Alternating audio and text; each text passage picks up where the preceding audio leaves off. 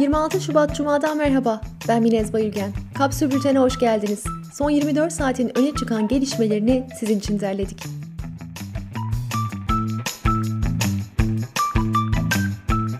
Türk lirası karşısında bir süredir düşüşte olan dolar yeniden yükselişe geçti. Kurdaki artış Cumhurbaşkanı Erdoğan'ın eski Hazine Bakanı Albayrak'ın politikalarını savunduğu günlere denk gelmesi ise dikkat çekiyor. Albayrak'ın görevde olduğu iki sene boyunca Merkez Bankası rezervlerinde yaşanan 128 milyar dolarlık kayıpla başlayan tartışma yerini kabine revizyon senaryolarına bıraktı. Reuters analizine göre Albayrak'ın yeniden kabinede görev alma olasılığına ilişkin söylentiler piyasada baskı oluşturmuş durumda.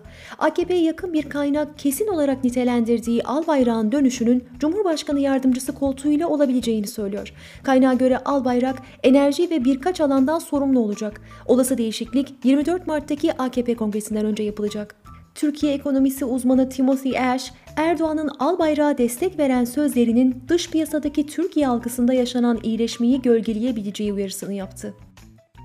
Diriliş Ertuğrul, Kuruluş Osman ve Uyanış Selçuklu dizileriyle ilgili yaptığı paylaşımlar nedeniyle hakkında soruşturma başlatılan gazeteci Oktay Can Demir için takipsizlik kararı verildi. Savcılık kararında suçtan zarar gören kişiler olarak Osmanlı padişahları yazıldı.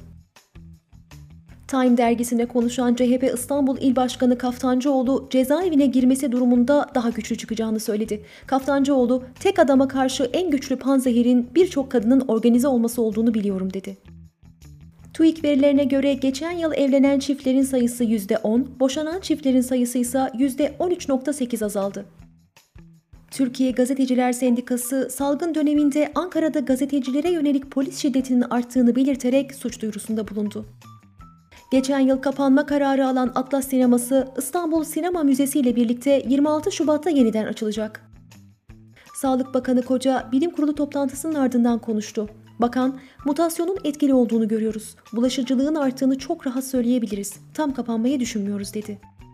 Kademeli normalleşme sürecinin muğlak olduğunu belirten İstanbul Tabip Odası Başkanı Pınar Sahip, şehirlerde yapılan test sayısının paylaşılmadığını söyledi.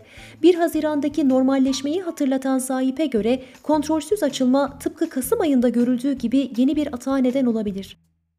Türk Toraks Derneği anketine göre Aralık 2020, Ocak 2021'de sağlık çalışanlarının enfekte oranı %57.4 oldu. Aynı oran Haziran-Temmuz 2020 döneminde %12.1'di.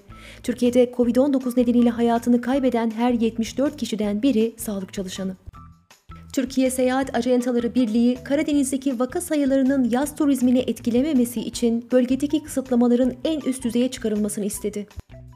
Ermenistan ordusu Başbakan Paşinyan'ı istifaya çağıran bir bildiri yayınladı. Bildiriyi darbe girişimi olarak niteleyen Paşinyan, Genelkurmay Başkanı Gasparyan'ı görevden aldı. Paşinyan, darbe girişimine karşı destekçilerine Cumhuriyet Meydanı'nda toplanma çağrısı yaptı. Muhalifler de sokağa çıkınca iki grup arasında çatışma çıktı. ABD Başkanı Biden yeşil kart kısıtlamalarını kaldırdı. Trump, yeşil karta başvuranlara ve ülkedeki geçici yabancı işçilere verilen vizelere kısıtlama getirmişti. Gazeteci Can Dündar'ın Silivri cezaevinde kaldığı hücrenin benzeri Berlin'deki Gorki Tiyatrosu'nun bahçesine inşa edildi. Dündar video enstalasyonları eşliğinde cezaevinde yazdığı yazıları ve tutukluların hikayelerini anlatıyor. Finlandiya'nın Helsinki'de 90 gün yaşam denemesi adlı projesine kabul edilenler Helsinki'de 90 gün geçiriyor. Geçen yıl 5330 kişinin başvurduğu proje özellikle teknoloji sektörü çalışanlarını ülkeye çekmeyi amaçlıyor. CIA'nin raporuna göre gazeteci Cemal Kaşıkçı suikastinin emrini Suudi Arabistan Veliyat Prensi Salman vermiş olabilir. Facebook ve Instagram Myanmar'da 1 Şubat'ta darbe yapan ordunun ve kontrolündeki medyanın hesaplarını kapattı. Myanmar'daki darbe karşıtı protestolarda 400'ün üzerinde kişi gözaltına alındı, 3 kişi hayatını kaybetti. Japonya'da artan intihar vakaları nedeniyle Yalnızlık Bakanı atandı. Genç ve kadın intiharların artışa geçtiği ülkede 2020 yılında 20.919 kişi yaşamına son verdi. Van Gogh'un Paris'te yaptığı Montmartre'da bir sokak manzarası adlı resim 100 yıl boyunca kapalı kapılar ardında kaldıktan sonra ilk defa görüntülendi. Hollanda parlamentosu Çin'in Uygur Türklerine yaptığını soykırım olarak tanıdı. Hollanda, Kanada ile ABD'nin ardından bu kararı veren üçüncü ülke oldu. Diske bağlı genel iş, toplu iş sözleşmesinde anlaşma sağlanamaması nedeniyle Beşiktaş Belediyesi'nde grev kararı astı. Genel iş, Maltepe Belediyesi'nin grevdeki işçilerin %47 zam teklifini reddettiği iddiasını yalanladı ve %8 zam teklif edildiğini söyledi. Hazine ve Maliye Bakanı Elvan, ekonomik reform çalışmalarında sona geldiklerini belirtti. Bakan, reform politikasının detaylarının Mart ayının ikinci haftasında açıklanacağını kaydetti.